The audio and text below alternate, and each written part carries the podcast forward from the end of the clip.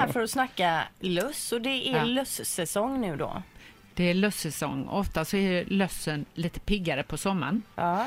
Och sen när alla barnen träffas igen och det kramas och det, man tar, vad heter det, selfie. Mm, och lägger huvudena ihop Lägger här, ja. huvudena Mm. ihop, då frodas de.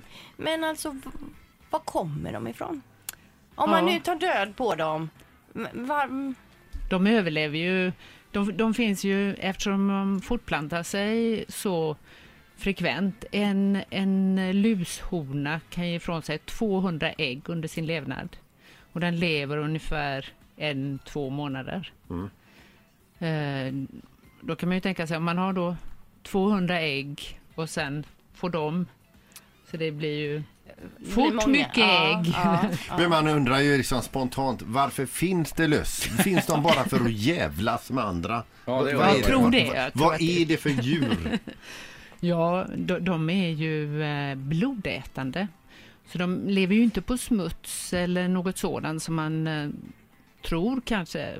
Det här skamfyllda, att det är det smutsiga håret som ger löss. Utan de äter blod som alla andra löss. Så även om man tvättar håret jättefrekvent och är hur noga som helst med sin hygien så ligger man ändå i farozonen. Precis, Men är det här ett större problem nu än för till exempel 20 år sedan? så är det. Varför då?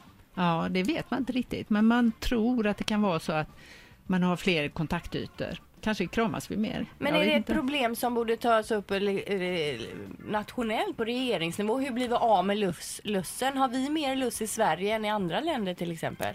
Det kan jag inte svara på. Nej. Men eh, egentligen så handlar det ju om egenvård. Att, att var och en måste förstå vikten av att eh, kolla sig själv och tala om för andra, att våga tala om för andra att man, eh, man själv eller att sitt barn har löss.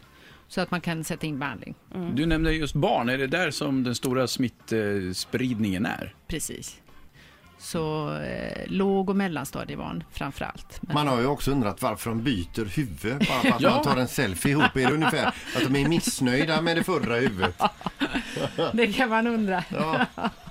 Men är det så att de hoppar mellan huvudena? De liksom bara- Hopp, nej, nej. hoppar inte. Och Nej. de flyger inte. Nej. Utan de kryper eller ja, vandrar över. De. Li- eh, Linda hade en fråga här innan du dök upp också. Det. Vad händer om man inte behandlar? Alltså hur många kan de bli? Eller, ja. Ja, då är det ju e- en, en lushona och så om man tänker det är 200 ägg och sen är det då 200 gånger... Jo men vad händer med mig om jag bara låter dem frodas i mitt hår? Du kommer få mängder.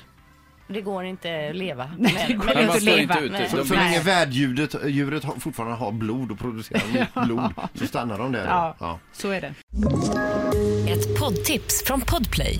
I fallen jag aldrig glömmer djupdyker Hasse Aro i arbetet bakom några av Sveriges mest uppseendeväckande brottsutredningar. Går vi in med hemlig telefonavlyssning och, och då upplever vi att vi får en total förändring av hans beteende. Vad är det som händer nu? Vem är det som läcker? Och så säger han att jag är kriminell, jag har varit kriminell i hela mitt liv men att mörda ett barn, där går min gräns. Nya säsongen av Fallen jag aldrig glömmer på Podplay.